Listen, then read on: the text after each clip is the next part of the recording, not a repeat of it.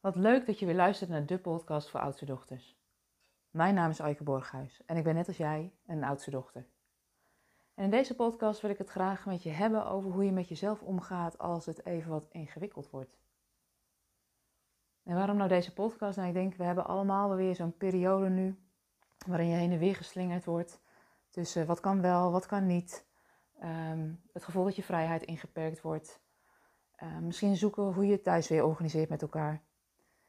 En weet dat het allemaal heel normaal is.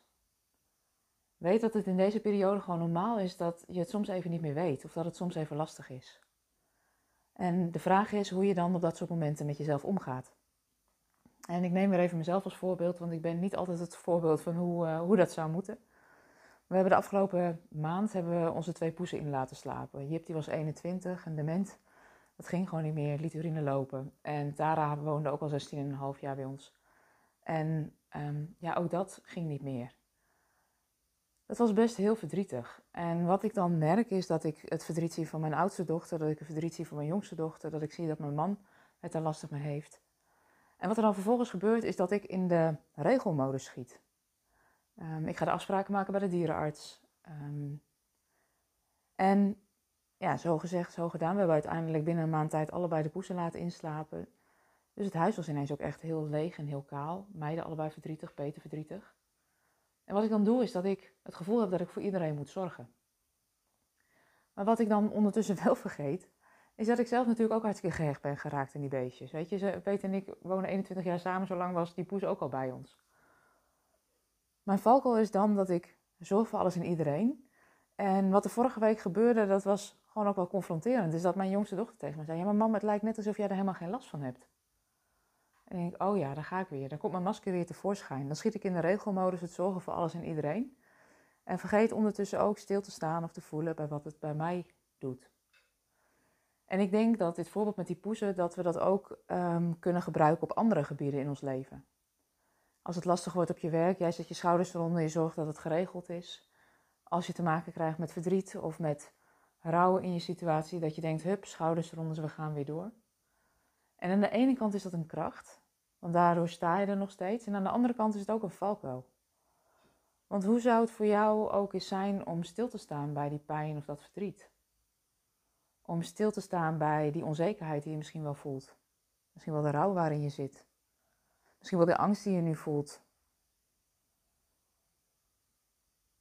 Als ik kijk naar jou en mij, is de kans groot dat we nooit echt geleerd hebben om ja, met dat verdriet om te gaan.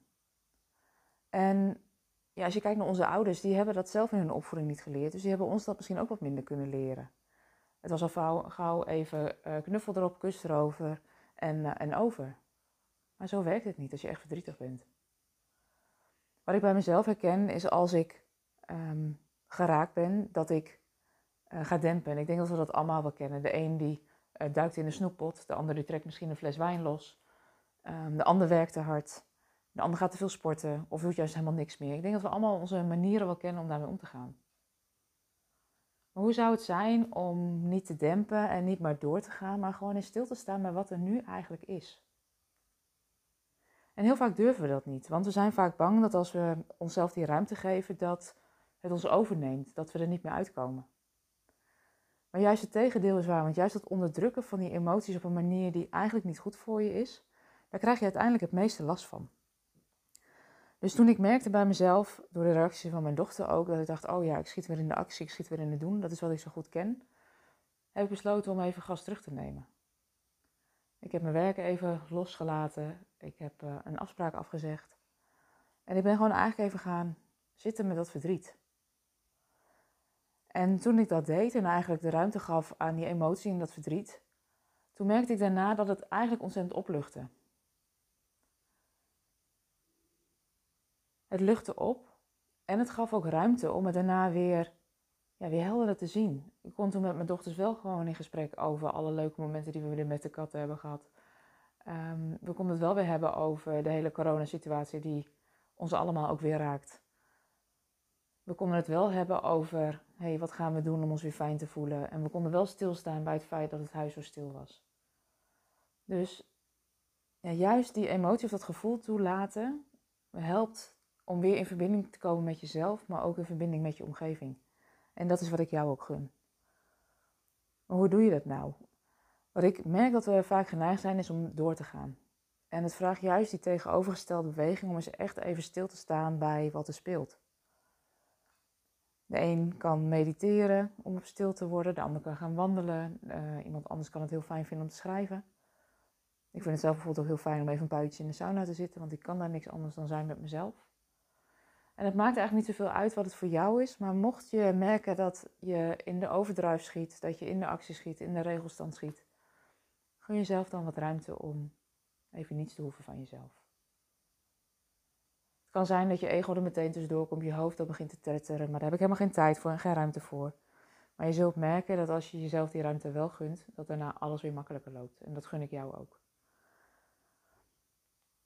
Nou, we zijn hiermee alweer aan het einde gekomen van deze podcast. Um, ja, ik wens je gewoon een hele fijne dag. En um, sta maar even stil.